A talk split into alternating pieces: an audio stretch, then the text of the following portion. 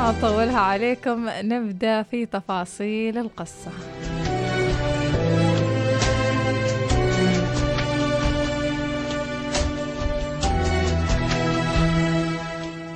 يقول هذا تقول القصة. تركي ريال في الأربعينات من عمره. متزوج من فترة طويلة وعنده سبع بنات صغار. ورغم كذي اضطر في أحد السنوات أنه يطلب خدمة عاملة منزل من أحد المكاتب الخاصة لاستخدام عاملات المنازل لأنه كان مضطر لهذه الخطوة بحكم أن زوجته كانت حامل في شهرها التاسع وكانت تعاني من تبعات الحمل وكان وضعها الصحي صعب شوي.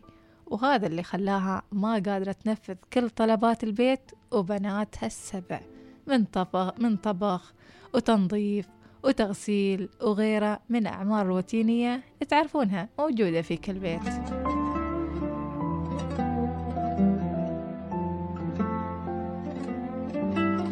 ففي يوم من الأيام راح تركي لمك... لهالمكتب اللي اقترحوا له يا بعض زملائه.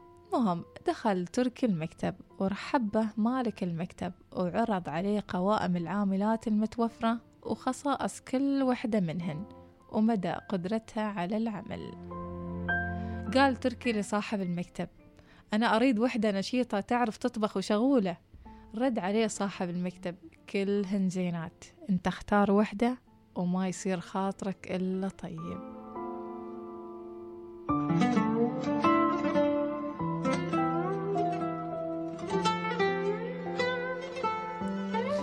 فحص تركي المتوفر. واختار وحدة من بينهن كلهن. اختار وحدة من دولة أفريقية. في الثلاثينات من عمرها اسمها كا.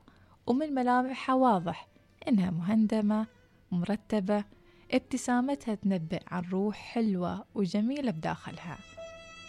شافها تركي وقال أيوة هذه أريد. أيوة هي هذه اللي أريدها وباخذها. قال لصاحب المكتب تم ولا يهمك. وبعدها تمم تركي كل الإجراءات المطلوبة واستلم العاملة.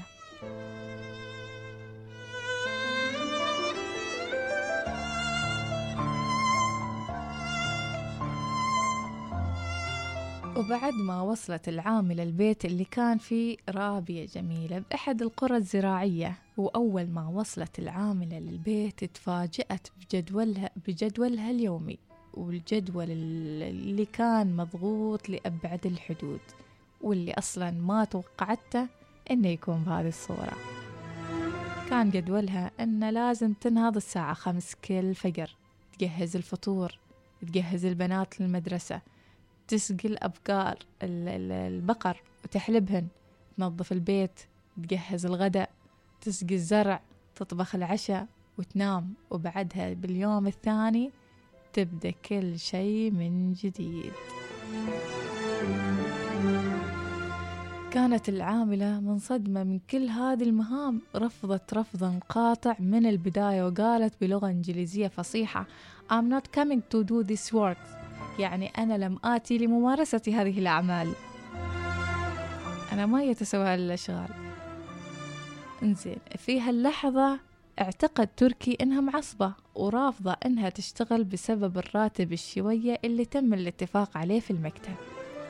ففي هاللحظة وفي أوج حاجة تركي وعائلته لكا قدم لها عرض براتب مضاعف لأنه يريدها تجلس معاهم ثلاثة شهور بس. ضعفت كا أمام هالراتب الخيالي. وقبلت إنها تكمل العمل. مرت ثلاثين يوم وكان كل شيء يسير على ما يرام. ولكن بعد الراتب الأول طلبت العاملة كا إنها تشتري شيء.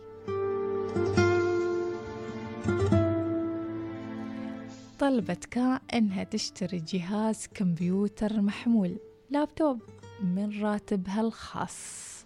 كلهم استغربوا في البيت واستغرب تركي. قالت لزوجته تو هي إيش تبال اللابتوب وهي شغالة؟ قال تركي برايها بتشتري من راتبها ما نخص. وفعلا اشترت كا هاللابتوب وبدت هني القصة يزداد عمقها بعد ما شرت كا هذا اللابتوب. طبعا يختم عادل هالقصة ويقول قصة قصيرة كتبتها وأنا في طريقي للعمل وعسى أن تتيسر الظروف ونكمل المفاجأة غدا. طبعا طبيعي بتتيسر يا عادل ما يستوي.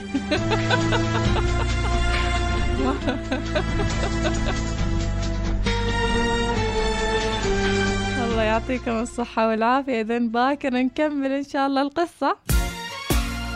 وقول يا فؤاد قول قول. تعلم ما تعيش إلا على القمة وخلك فوق. قول.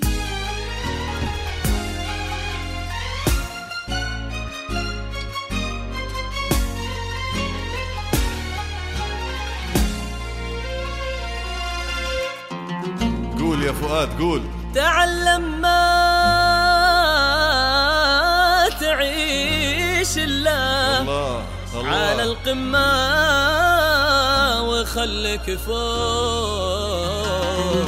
صحيح. أنا